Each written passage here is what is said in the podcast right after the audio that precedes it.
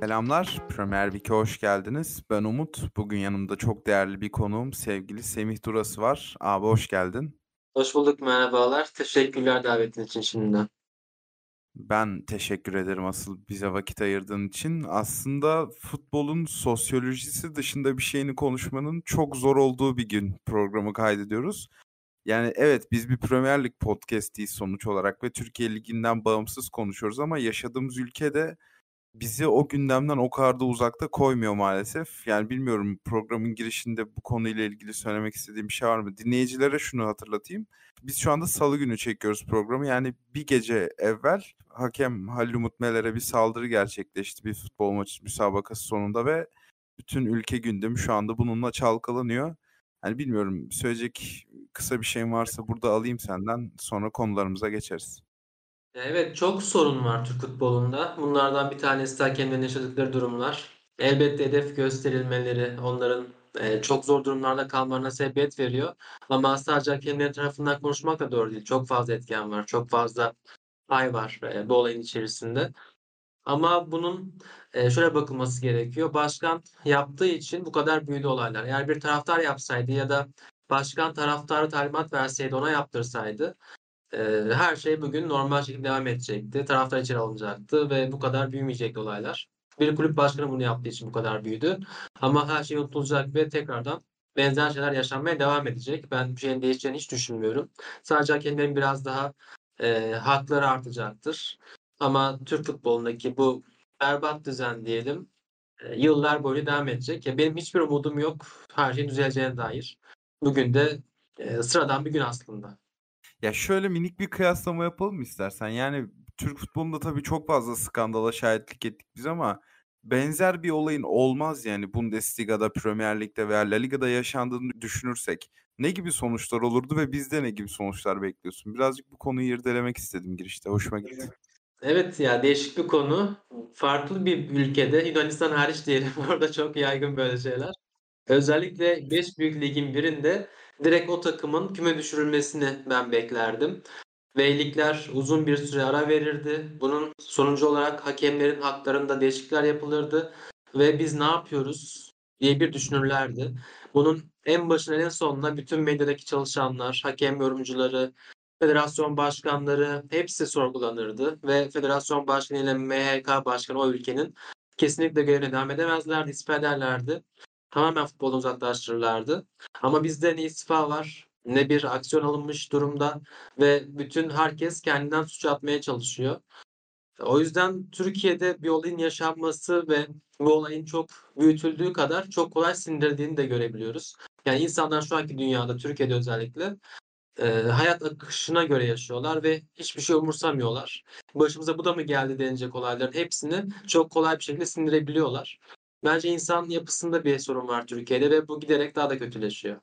O zaman daha fazla bu konuyu gündeme oturtmadan istersen Premier Lig özelindeki sohbetimize başlayalım.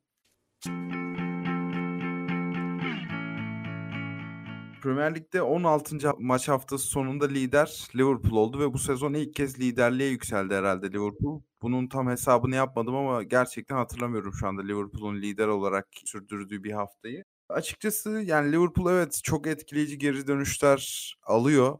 Çok etkileyici skorlar alıyor ama beni şahsen oyun anlamında sezon başından beri ikna etmiyor ve Liverpool'un 16. hafta sonunda lig lideri olması açıkçası beni çok çok şaşırttı. Yani bilmiyorum seninle aynı safta mıyız ama beni neden ikna etmediği üzerine bir program yapmayı düşünüyorum. Ama sen bunun karşısında bir şey söylersen de onun üzerine tartışabiliriz tabii ki.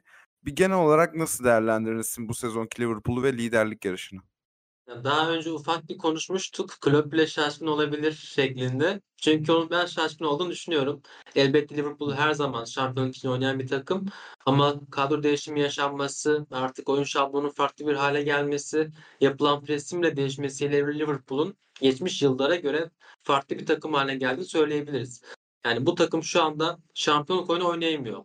Ve bunun için biraz daha zaman gerekiyordu. Kulübün kafasındaki Liverpool'un en azından gelecek sezon şampiyonluk adayı olarak yarışabileceğini düşünüyordum. Ama bu sezon o kadar fazla farklı etkenler var ve takımlar puan kaybı yaşıyorlar, reaksiyon veriyorlar. Ee, geçmiş yıllardaki dominasyondan uzak olduğu için Premier Lig, Liverpool'un da bu fırsattan istifade ederek bir anda e, lig, ligde liderliği aldığını görebiliyoruz. Son haftalar aslında güven veren bir takımda olmadı. Yani Palace maçına bakıyoruz. Son dakikalarda rakibin kırmızı görmesinden sonra çevrilen bir Liverpool var. Onun öncesine gidiyoruz Fulham maçında mucize bir geri dönüş var. Yani Liverpool'un kendi oyun şablonunda domine ederek oynadığı bir e, futbol oyun performansını göremiyoruz. Geçtiğimiz günlerde bir şablon görmüştüm. Liverpool'un pres farklılıklarından bahseden bir şablondu. Yani artık Liverpool şunu yapıyor. Orada da bunu okuyabiliyoruz. Geçen iki sezon öncesine göre öndeki pres değişmiş durumda. Rakipleri kendi sahasından, birinci bölgesinden çıkarmak istemeyen bir takım Liverpool. Ama biraz daha artık pas yapma izni veriyorlar. Ben bunun bilinçli yapıldığını düşünüyorum. Yani bazı takımlar bunu yapmak istemezler çünkü geriden çıkan takımlar çok daha rahat pas yaparlar. Daha büyük alanlar bulurlar. Bunu kullanmaya çalışırlar. Liverpool sanki biraz daha merkezden topları kapmak istiyor ve ikinci bölge rakiplerini geçirmek istemiyor. Bunun yolu da belki de daha merkezde kapalı kalmaktır. Daha e, kompakt bir yapıda kalmaktır. Önde baskı azaltarak bunu yapmayı düşünüyorlar diye bir düşünce yürüttüm ben. Ve sanki bunun da bir sonucu olarak e, daha iyi şekilde hücuma geçişleri görebiliyoruz. Ama işin defansif geçişlerinde çok sorunlar yaşıyorlar. Yani bu takımın bu kadar çok pozisyon vermesi benim en büyük kaygım gelecek adına. Ya kesinlikle öyle. Savunmayı güzel bir parantez olarak açtın. Ben de açıkçası Liverpool'un oyununu beni neden ikna etmiyor, neden Liverpool'u beğenmiyorum diye düşününce ilk yazdığım madde gerçekten savunma performansı olmuştu. Şu anda Liverpool ligin en az clean sheet yapan ekiplerinden biri ve 16 maçın yanılmıyorsam 9'unda falan geriye düştüler ve çok zor maçları çevirdiler. Ya bunun tabii ki Van Dijk'ın bireysel olarak düşüşü, Van Dijk'ın partnerinin sezon başından beri tam oturamayışı, McAllister'ın tek başına 6 numarada oynaması falan filan çok önemli tabii ki. Ama herhalde Liverpool'u benim hala şampiyonluk favorisi veya contender olarak kodlayamamamın bir numaralı nedeni savunma performansı. Bu çok doğru. Ya sürekli değişen bir savunmadan da bahsedebiliriz bu noktada. Yani son maçlarda bile bazen Van Dijk'ın yanında Konate oldu. Bazen Matip'i gördük. Bazen Quansah bile oynamak zorunda kaldı. Bu kadar fazla değişen yapı içinde defans hattında orta sahada henüz bu yıl geçişi yaşıyorken ve oturmuş bir yapı da yokken e, bu sorunların yaşanması normal. Yani, yani çok uzun zamandır Fabinho'lar, Henderson'lar vardı bu takımda. Yepyeni bir şablona geçiyor Liverpool ve gelir gelmez her şeyin muhteşem olması zaten mümkün değil. McAllister'dan e, fayda almaya çalışıyorsunuz. Yanında bazen Endo'yu görüyorsunuz, bazen e, Gravenberch oynuyor. Yani bu takımın şu andaki performansı biraz yanıltıcı demeyelim ama liderlik biraz geçici bir liderlik olduğunu söylemek gerekiyor. Bu yıl o yüzden biraz daha oyunu e, geliştirme senesi olacak. Yani mesela Dominik Soboslai hücumu ne yapması gerektiğini daha fazla öğrendiği bir yıl yaşıyor. Özellikle sağ tarafta yapmış olduğu koşular, hat kıran koşuları, pasları, e, alan doldurmaya çalışması takıma adapte olduğu yılı yaşıyor. Ya bunun yanında hücumda biraz e, bağımlılık da var açıkçası. Ya bazen Muhammed Salah, bazen Darwin Nunez'den e, o etkiyi almaya çalışıyor Liverpool. Hücumda çekilen şutların çok büyük kısmı onlara aitti. Ama buradaki fark şöyle bir fark var. Salah'ın 11 golü olması lazım. Nunez'in 4 golü var. Aradaki büyük gol farkına rağmen Nunez sadece 2-3 şut daha az atmış durumda Salah'a göre. Yani aslında burada kötü bir bitiricilik de söz konusu. Nunes belki maç başı 3 şut çekiyor ama 7 pozisyon değerlendirmekte çok zorlandığından dolayı Liverpool'un e, daha yüksek gol atmasına bir engel. E, tabii ki şu anda en çok gol atan iki takımdan biri Liverpool. Kötü savunma performansına göre en az gol gören iki takımdan biri Liverpool. Ama takımda değişmesi gereken ve geçmesi gereken çok fazla şey var.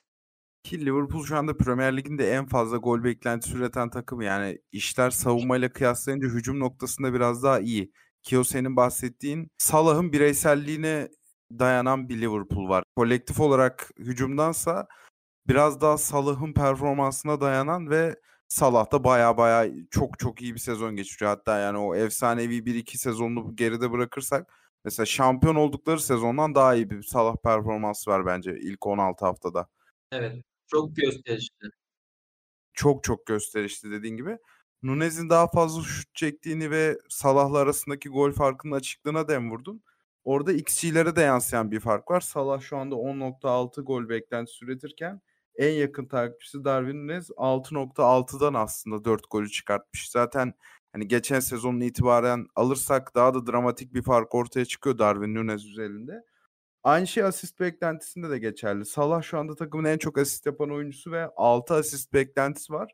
Ona en yakın isim Trent. Buradaki mesafeyi biraz daha kısa, kapalı tutmuş. Kornerleri de kullanan, duran topları kullanan bir oyuncu olarak 4.1 asist beklentisi üretmiş. Yani hücum anlamında burada herhalde Salah'a ne kadar yüklendiklerini özetliyor bence.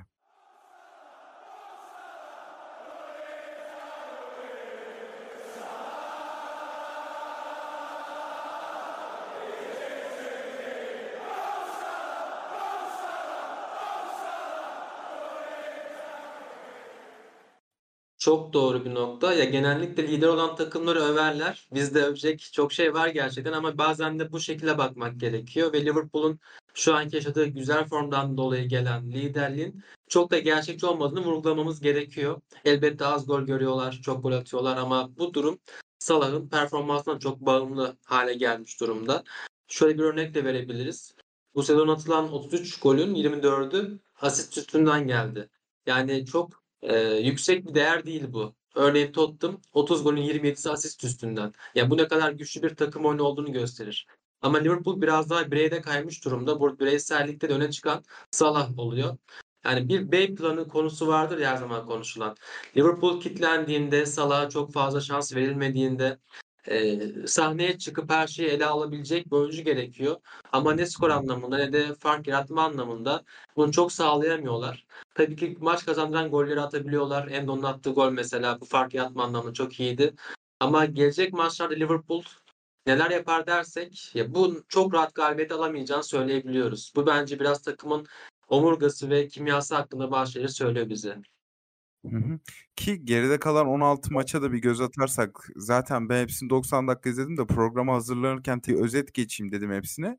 Yani Liverpool'un gerçekten oyununu kabul ettirip domine ettiği 5'ten fazla maç yok. Mesela Aston Villa'yı bastırabilmişlerdi sezon başında ki o herhalde en gösterişli galibiyetleri diye düşünüyorum ben.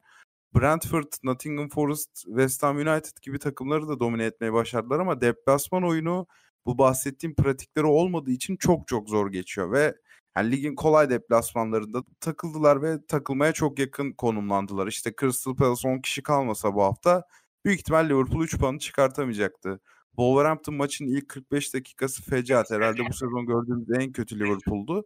E zaten Luton Town'a takıldılar. Ya aslında o bahsettiğin Salah etkisiz bir gün geçirdiği zaman Liverpool'un hücumu da çok tıkanıyor. Savunması zaten güven vermiyor onun yanında. Ki Salah'ın performansından bahsettik. Salah, Trent biraz daha içeride konumlandığı için kenardan genişlik veren oyuncu rolünde de kullanılıyor bu sezon. Yani kaleden biraz da uzaklaşmış bir şekilde bu e, grafiği çizdi. O da çok çok etkileyici gibi gözüküyor şu anda. Evet, kesinlikle öyle. Yani bu takımın biraz hücum çeşitliliğine ihtiyacı var gibi gözüküyor. Son e, maçta 2-1'lik galibiyet alınırken sadece iki şutu vardı isabetli olan Liverpool'un. İkisi de gol oldu. Yani çok yüksek sayıda net gol fırsatı da yakalayamayan bir takım var. Kaleye bulmakta zorlanabiliyorlar. E, ama takımın daha farklı bir oyun yapısına girmesiyle birlikte bu kadar güçlü bir reaksiyon vermesi de oldukça değerli bir olay ve bunu sürdürebilmeleri de çok e, kıymetli bir nokta. Takıma değişen çok şey oluyor. Kaleciler bazen farklı hale geliyor. Alisson oynayamadığı maçlar oluyor ama buna rağmen reaksiyon verebilen de bir takım var. Üstelik dediğim gibi bu sezon biraz daha alışma sezonu Liverpool için ve bunu e, göz önünde bulundurursak oldukça değerli gidiyorlar. O yüzden gelecek anlamında biraz e, umutsuzluk da yanlış olabilir. Ya tabii ki biraz daha genişlemesi gerekiyor bu kadronun. Ben hala yeterli olduğunu düşünmüyorum. Yani Thiago e, Alcantara sonrasında nasıl bir isim gelecek onu merakla bekliyorum. Tabii ki Jota geri dönüş yapacak, Matip dönecek, daha çok oyuncu dönecek ama yani Liverpool şu anki yapı içinde e, hiç de fena işler çıkarmıyor. Ama bu biraz dediğimiz gibi bağımlılık da ilerliyor. Yani Luis Diaz'ın performansı da bence hiç fena değil. Bir ekstra katmaya çalışıyor. Özellikle yaşadığı zor günlerden sonra. Hı hı. Ya bence asıl problemlerden biri de ideal kadronun daha doğrusu bölgelerdeki ideal rotasyonun oluşmaması. Yani Liverpool'un hücumuna bakıyoruz. Salah sabit, Salah'ın partnerleri sezon başından beri değişiyor işte. Nunes formda olunca Nunes oynuyor. Çok sıklıkla Jota'yı kullandı bu sezon. Frekansı bayağı arttı Jota kullanımının. İşte Luis Diaz kaç sağ dışı problemini atlattıktan sonra tekrar motive bir şekilde 11'e döndü. E sezon başında senin de bildiğin gibi Gakpo'yu kullanıyordu falan ama herkesin sağlıklı ve fit olduğu bir günde Liverpool'un ön üçlüsünü tahmin etmek çok zor. Bilmiyorum senin hani burada kafanda o kurguladığın bir ön üçlü var mı ideal olarak gördüğün? Ben Diaz, Darwin, Salah'tan devam düşüncesine sahibim. Tabii ki Jota'nın e, sağlıklı olduğunda takıma kattığı çok şey var. Rakip savunmaları taşıyabilme performansını ben çok beğeniyorum. Yani en zor şeylerden bir tanesidir. Düzenli bir savunmayı bozabilmek, onları taşıyabilmek. Jota bunu çok iyi yapıyor ve iyi gününde oldukça güzel yapıyor. Ama biraz daha sanki Diaz'ın üstüne gitmek lazım. Yani şu an performansı muhteşem değil. Ama onun da kendi bulduğu takdirde Liverpool'un daha fazla gole daha rahat ulaşabileceğini düşünüyorum. E, tabii ki de bu şablonda çok fazla salağa kayan bir takım da var. Yani Jota döndükten sonra bunun da azalacağını söyleyebiliriz. Biraz daha ben bölüşebileceklerini düşünüyorum. E, belki de bu iyi senaryo, iyi form durumunun sürdürülebilmesi için Darwin Nunez'in de öne çıkması gerekecek. Tabii ki yaptığı işler var. Takıma katkı sağlamaya çalışıyor. Ya ama tam e, şampiyonluk hedefleyen bir takımın santrfor diyemiyoruz onun için. Topsuz oyunda katmaya çalıştığı değerler var. Evet gol katkısı da fena değil. Destek vermeye çalışıyor. Ama ya şöyle oyuncular vardır ya bazı form dönemlerinde muhteşem işler çıkartırlar. Ama bazen de formlar dibe vurduğunda tanınmaz halde edilirler. Hiçbir şey katamazlar. Darwin Nunez'de bu var gibi. Ya formsuz günlerinde katlanması zor bir oyuncu. Çok karavanası var. Ama kendine güven duyduğu maçlarda, ayağı yere bastığı, sağlam bastığı maçlardaysa muhteşem işler çıkartabiliyor. Bu sezonda bunu yaşıyoruz zaman zaman. Ki Liverpool'un hücumunu konuştuk. Tekrar bir savunmaya dönmek gerekirse orada da Salah'a benzer şekilde Alisson performansından bahsetmemiz mümkün. Alisson bu sezon maç başı kalesine 4 şut görüyor ve Liverpool kariyerinin en fazla şut gördüğü sezonunu geçiriyor. Yani 2020-21 sezonunda işte Ozan Kabağan falan oynadığı sezonda bile 3.4 şut görüyormuş. Yani takım savunması o sezondan bile geriye gitmiş durumda Liverpool'un. Ki bu frekans kurtarış yüzdesinin de artmasına sebebiyet vermiş. Karesine daha fazla şut görmesi kurtarış yüzdesini doğrudan arttırıp %80.4 oranına yükseltmiş. Bu da tabii ki ligin en yüksek değeri anlamına geliyor. Yani hücumda Salah üzerinde söylediğimiz şeyleri kalede de Alisson özelinde söyleyebiliriz. Ki son haftalarda maç eksikliği Liverpool'a ne gibi belalar açtı Fulham maçında da en yakın şekilde gördük. Yani Keller hiç hazır tutmamış gibi gözüktü kendisine. Evet, yani Alisson olan bağımlılık daha devam edecek gibi. Çünkü ciddi bir rakibi yok kadro içerisinde. Kelleher da hiç yeterli bir performans ortaya koymuyor. Liverpool savunma hattında bu kadar fazla değişiyor olması, orta saha ve savunma hattındaki bu değişimlerden dolayı net bir geri altılıdan, yedili oyuncudan bahsedemiyor olmamız e, oldukça büyük bir problem olacak Liverpool açısından. Ve gelecek maçlarda bunun bir e, yansımasını yaşayacaklar. Çünkü zor bir fikstüre giriyorlar. Daha sertleşecek her şey. Ve bu liderlik sürecekse e, çok iyi yapmadıkları ama az göl gördükleri işin defansif kısmına daha fazla dikkat etmeleri gerekecek.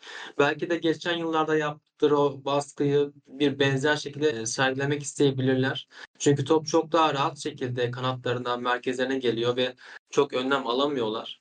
Belki de yolu bu olacaktır bunun. Yani biz şu anki hedeflediğimiz oyundan biraz ödün verelim. Geçmişte iyi yaptığımız şeylere odaklanarak çözüm bulmaya çalışalım diyebilirler. Burada kulübün bir karar vermesi gerekecek. Ee, ama defansın yine bel kemikleri olan Van Dijk ve Alisson'un e, çok iyi olmaya devam etmesi gerekiyor. Yani sezon sonuna kadar bunu yapabilirler mi? Biraz zor. Ama en azından birkaç ay için e, bunu sürdürmeleri gerekecek.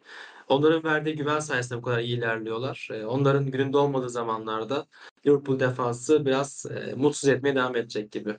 Peki yani Liverpool'un McAllister'ı tek altı olarak kullanmasına nasıl bakıyorsun? Çünkü McAllister ne Arjantin milli takımında tek ön libero olarak oynuyor veya defansif orta saha diyelim hani tek ön libero demeyelim. Ne de sır oldu Brighton'da da tek altı olarak forma giyiyordu. Yani yanında bir Caicedo vardı transfer olduğu dönemde ki Graham Potter onu forvet arkası olarak hatta sahte 9 olarak bile kullanıyordu. Bu da birazcık o bahsettiğimiz takım savunmasına ayrı bir defekt getiriyormuş gibi hissediyorum ben açıkçası. Evet, bana da öyle geliyor. Ya, McAllister biraz daha burada Szoboszlai ya da oynadığı zaman Gravenberch şey tutsun diye kullanılmak istenen bir isim ama hiç kolay olmayan bir yerde oynuyor. 6 numara bu tip takımlarda çok zordur bu görevi yerine getirebilmek, iyi şekilde yapabilmek çok zordur. Çünkü topu aldığınız zaman hem oyun görüşünüzün çok iyi olması gerekiyor, hem rakip takımların baskısından kurtulmalısınız hem de çevre görüşünüzle birlikte topu çok isabetli şekilde iletmeniz gerekiyor. Tabii ki bir yandan da defans hattınızla bağınızın da kuvvetli olması lazım. Bu pratikleri yüksek olmayan McAllister'ın bu görevi yapmaya çalışması ve bunu da şu ana kadar fena olmadan en azından yapmaya çalışması e, umut veren bir şeylerden bir tanesi Liverpool adına. Muhteşem yapıyor mu yapamıyor. Ama şu anda bir geçiş süreci olduğu için McAllister'a burada şans vermeyi bence düşünüyor kulüp. Yani gelecek sezonlarda en azından bence biraz daha içe kayması daha doğru olacaktır. Bu takıma net bir 6 almak, çapa 6 numara almak çok daha doğru olacak. Şartlara göre McAllister elinden geleni yapıyor ama ona bu görevi vermek biraz da oyuncuya işkence gibi geliyor bana. Çünkü o net bir 6 olarak değerlendirebilecek bir isim değil. Daha fazla iç bölgede oynaması daha doğru olacaktır. O hücumdaki pas ritmini arttırabilecek meziyetlere sahip bir isim McAllister. Ama 6 numara olarak bütün o yükü ona vermek, defansif yükleri omuzlanmasını istemek biraz fazla iyimserlik oluyor. O yüzden hocanın biraz bu süreç için ona şans verdiğini düşünüyorum 6 numarada. Yani gelecek sezon ben 6 numarada görürsek McAllister'ı çok doğru bir planlama olmayacağını söyleyebilirim. Nasıl olacağını da göreceğiz. Ya herhalde burada iki faktör var. Bir 6 numarada McAllister'ın oyun kuruculuk oyun kuruculuğunu kullanmak için iç rollere çok tempolu oyuncular koydu. İşte Curtis Jones'u zaten çok uzun süre kullandı. Sobosla'yı 11'in değişilmez parçalarından biri gibi gözüküyor. E, ve de yani sezon başında artık hani Caicedo transferi yatınca bir anda şapkadan Wataru Endo çıkmıştı. Onu da birazcık Premier Lig temposuna alıştırmak için e, McAllister'ı bu rolde harcadı gibi görüyorum ben. Çünkü son iki maçta işte Sheffield United ve Crystal Palace deplasmanlarında Wataru Endo 6 numara olarak başladı. Ki Bramall Lane'de Alexis McAllister sakatlandığı için bu yeni üçlünün çok fazla pratik yapması mümkün olmadı. Yani bir izleyemedik daha iyi oluyor mu bitiyor mu diye ama herhalde o 3 gol yenilen ve merkezin darmadağın olduğu Fulham maçından sonra herhalde bir vazgeçiş gibi görüyorum ben.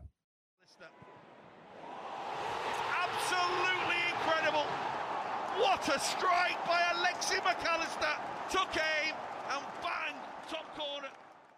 Ya bu seviye bir takım için en zor şey olabilir 6 numara oynayabilmek. Çünkü rakip takımlar eğer o zaafı gördüğünde, hissettiğinde tamamen size odaklanıyorlar o destek de iyi bir şekilde gelmiyorsa tamamen kırılabiliyorsunuz. Çünkü hatları bağlamak zorunda olan sizsiniz orada. O yüzden 6 numara oynamak böyle bir takımda olabilecek en zor işlerden bir tanesi. Benzer bir durumu City yaşıyor. O ne kadar farklı oynadığını görebiliyoruz City'nin. Bundan dolayı McAllister'a bu görevi vermek biraz iyimser bir yaklaşım oluyor. Ee, onun bu dönemsel kaldırma çabasını e, ya, takdir ediyorum ama çok e, umutlu olduğumu söyleyemeyeceğim gelecek maçlarda biraz daha zorlanacaktır ve rakiplerin direkt odağının o olacağını düşünüyorum. Liverpool bu kadar fazla öne yüklenmeye ve e, rakibi boğmaya çalışan bir anlayış oynamaya çalışırken yani McAllister'ı orada bu şekilde kullanmaya çalışmak rakiplerin iştahını kabartacak ve oradan bence daha fazla sorun yaşayacaktır Liverpool. Ki Liverpool'a çok yakıştırdığım bir oyuncu var benim lig içerisinde. Premier Lig'in geçtiğimiz sezon en çok tackle yapan ve başarılı tackle yapma yüzdesine sahip ismiydi. Bu sezonda onu kimseye bırakmamış gibi gözüküyor. Ya Palinha oyun kurulumunu Trent'e bağlayan bir takım için ve oradaki savunma direncini arttırmak için bence çok oturan bir puzzle parçası ama onun da adı işte yazın Bayern Münih ile geçti. Şimdi Arsenal'ın istediği konuşuluyor ki onu hiç anlam veremedim ona. Liverpool için harika bir transfer olur ama onu da şu anki Fulham'dan bu yangın gibi ilerleyen Fulham'dan kopartmak her zamankinden zor olacak diyelim. birkaç Liverpool'la ilgili istatistik paylaşmak isterim. Liverpool'un takım halinde bu sezon önceki Klopp sezonlarından ne gibi farkı var diye baktığımızda Liverpool'un toplu oynama oranı Klopp'un ilk sezonundan sonra en düşük miktarda. Yani 2015-16'da yarım sezonda %57.2'de possession'da bitirmişler sezonu. Ondan sonraki sezonların hepsinde en az %60.8'e kadar toplu oynayan bir Liverpool var. Bu sezon bu sayı 59.7'ye kadar gerilemiş. Bilmiyorum hani değişen Liverpool'da bunun da muhakkak bir okunması vardır. Çok güzel bir örnek oldu bu. Yani o bahsettiğim presi farklı yapma, daha farklı yerleşen Liverpool'u görme anlamında toplu az oynayan bir Liverpool olduğunu söylemek gerekiyor. Bu kesinlikle artık yeni dönemin işareti. O Fabinho'suz, Henderson'sız yeni dönemdeki öne çıkan notlardan bir tanesi. Bunun da bir yansıması bence bu istatistik. Bir de şunu paylaşmak gerekiyor tabii. Yani Liverpool'un oyunu özellikle hücumda sadece Salah'a bağlı. Bunu birkaç kez vurguladık. Yani takım halinde çok akışkan futbol oynayamıyorlar ama maç başı gol oranında da şampiyonluk sezonunun bile ilerisinde gözüküyor Liverpool. İşte şampiyonluk sezonunda 2.24'müş. Ondan sonraki sezonlarda bir 21-22'de yine bir puanla şampiyonluğu kaçırdıkları sezon 2.47 gol ortalamasına ulaşmışlar. Bu sezonda 2.25 olarak devam ediyorlar ve o senin bahsettiğin gibi yani Salah hem asist hem gol kralıyken takımın bu oran yine de fena değil gibi gözüküyor. Yani diğer forvetlerin de sezon içerisinde form tutacağını hesaba katarsak yine o 21-22'ye yakın bir gol ortalamasına ulaşabilirler ama ben dediğim gibi yani bir de sezon sonu tahmini yapmak gerekecekse Liverpool'un yarışmacı kalabileceğini pek düşünmüyorum. Ya ben şu anda üçüncü olacaklar diye biliyorum. ne yazık ki Liverpool'lar biraz üzülecektir ama üçüncü olmalarını bekliyorum. Hı hı. Ya peki Liverpool'un ligin bu noktasında liderliği alması tabii ki onlar adına da bireysel performansları övdürebilir bize ama Arsenal ve City'nin de ekstra puan kayıplarından dolayı gerçekleşmemiş midir? Yani iyice kışkırtmak istiyorum Liverpool'ları şu an. Ya kesin öyle. Eğer e, City bu kadar dağılmasaydı, kendi oyunundan ödün vermeseydi, ya farklı şeyler e, yaşamasaydı bu kadar, e, ben onların liderliği kaybetmeni beklemezdim. Ya da Arsenal'ın e, bu kadar fazla puan kaybı yapmış olmasını e, öngöremezdik belki de. Yani pek çok hedef maçında puan kaybettiler. Acaba puan kaybedebilir dediğimiz maçlarda örneğin e, Newcastle maçında puan kaybettiler. E, ama onların tekrar ritim tutmasını bekliyorum. Ve Liverpool'un da çok zor bir fikstüre girecek olmasından dolayı ki yakın zamanda Liverpool Arsenal maçı da var. E, tekrardan o birinci liderlik koltuğunun e, el değiştirmesini bekliyorum. Burada dediğin gibi biraz Liverpool'un muhteşemliğinden öte Arsenal'ın City'nin yaptığı puan kayıpları bu hale getirdi e, puan tablosunu. Ya bu da yani o senin bahsettiğin üçüncü olacaklarını öngörüyorum dedim. Ben de yarışmacı kalamayacaklarını düşünüyorum dedim ama Liverpool'un herhalde bu sezon Şampiyonlar Ligi potası içerisinde bulunması hatta üçüncü olması da büyük bir başarı olarak gözükebilir. Çünkü programın başından beri vurguluyoruz. Geçen sezon çöken bir yapıyı bu sezon yenileyerek tekrar yukarılara çıkma hedefi vardı Klopp ve Liverpool'un ve harcama limiti de buna göre ayarlandı bu sezon başında. Ve bu takımla birlikte ana hedefi gerçekleştirmek kesinlikle burun kıvrılmayacak bir iş olur diye görüyorum ben. Sezon başında hatırlıyorum %4 civarındaydı şampiyonluk ihtimali Liverpool'un Opta bazında. Ya bu şu anda %30'lara kadar gelmiş durumda olması lazım. Ama %4 verilen bir takımın da ne kadar çok zor durumda olduğunu anlamak gerekiyor. Hiç ihtimali yoktu neredeyse. Üçüncü olursa zaten başarı sayabileceğimiz bir takımdı Liverpool. Ee, o günden bugüne gelmek, bu, bu kadar kısa sürede gelmek, Arsenal'ın üstüne koymuşken, e, City daha da gelişmişken Üstüne Aston Villa gerçeği ortaya çıkmışken e bir de Tottenham geliyor tabii ki. Bu kadar e, atak yapmış takımın arasından Liverpool'un sıyrılması en azından şu an için bunu söylüyoruz. E, sezon başına baktığım zaman oldukça etkileyici. Bunu sürdürebilirlerse de çok daha büyük hikaye yazmayı başaracaklar.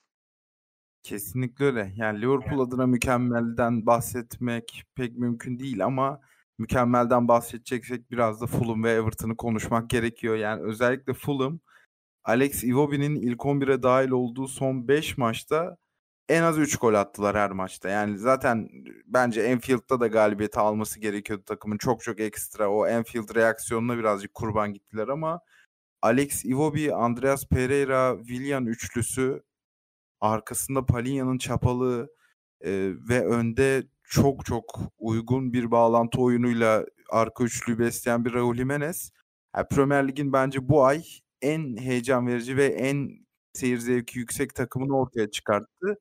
Ki bunun mükafatını Marco Silva da bir ödülle kazanacaktır diye düşünüyorum ben. Ya bilmiyorum hiç izleme fırsatı buldum mu? Çünkü program öncesi de konuşuyorduk seninle. Diğer liglerle çakıştığı için en azından Premier Lig'in belli bir seviye altı takımlarına bilmiyorum dakika ayırabiliyorsun. Ama ya Fulham'ı izlemeni kesinlikle öneririm. İnanılmaz bir takım gibi gözüküyorlar şu an. Evet ya diğer ligler biraz fazla vakit alıyor. Onun yanında Premier Lig'deki bu büyük altılıyı çok ya, izlemeye çalışıyorum. O yüzden de Fulham sık sık denk geliyor. Ya onlar çok etkileyici bir takım haline gelmiş durumdalar. Özellikle Marco Silva diyorsak yani onun bir karakteristik yapısı vardır aslında. Eski takımlarında da bunu göstermişti. Fulham'ı Premier Lig'e çıkartırken de bunu gösterdi. 100 golü geçtiklerini hatırlıyorum. Olağanüstü bir hücum performansı vardı o takımın. Bu sezonda bunu taşımaya çalışmış gibi gözüküyorlar. Çok rahat gol atıyorlar. Son 4 hafta 16 gol olması lazım. Ve bunu ne kadar değişik bir şekilde yaptığını söylemek gerekiyor. Ee, ya şu anda son maçlarına ve attıkları gollere baktığımız zaman müthiş bir takım oyunu ortaya çıkıyor. En zor gol tipidir aslında bu bu kadar yüksek seviyede takım oynatabilmek. Ya herkesin nereye koşacağını çok iyi bildiği bir takım var. Gol atarken nasıl hareketlenmeleri gerektiğini çok iyi bilen bir takım var. Bunu çok iyi yapıyorlar. Ve bu yüksek takım oyunu sayesinde ben bu kadar net şanslar yaratan bir takım olduğunu düşünüyorum. Buradaki ana payda dediğin gibi Marco Silva'ya ait. Müthiş bir hocadır. Yani iki sezon önce Türkiye ihtimali vardı. Bundan 200 sezon önce olması lazım. E, kesin gelmeli diyordum ama gelmedi. E, şu anda herkesin hayranlıkla izlediği bir isime dönüştü. Bence ana payı onun olması gerekiyor. Hı hı. Ki o bahsettiğim Fulham'ın Championship'teki o etkileyici sezonunda aslında Liverpool ve Salah özelinde bahsettiğimiz şeyi biraz Mitrovic ve Fulham üzerinde de konuşabiliriz. Yani en azından benzetebiliriz. Orada yine tek bir oyuncunun kariyer sezonunu geçirip takımını sırtladığını görmüştük. gibi kolektif bir dağılım var.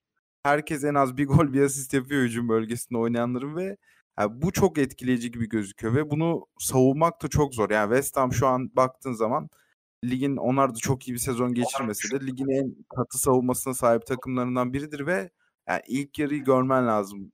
Düdük çalsın diye hakemin gözünün içine bakar haldelerdi. Ya bu çok etkileyici dediğin gibi. Çünkü gerçekten de öyleydi. Mitrovic'e ait her şey. Onun gol rekoru kırdığı, dehşet gol attığı 40 golü geçtiği bir sezon vardı.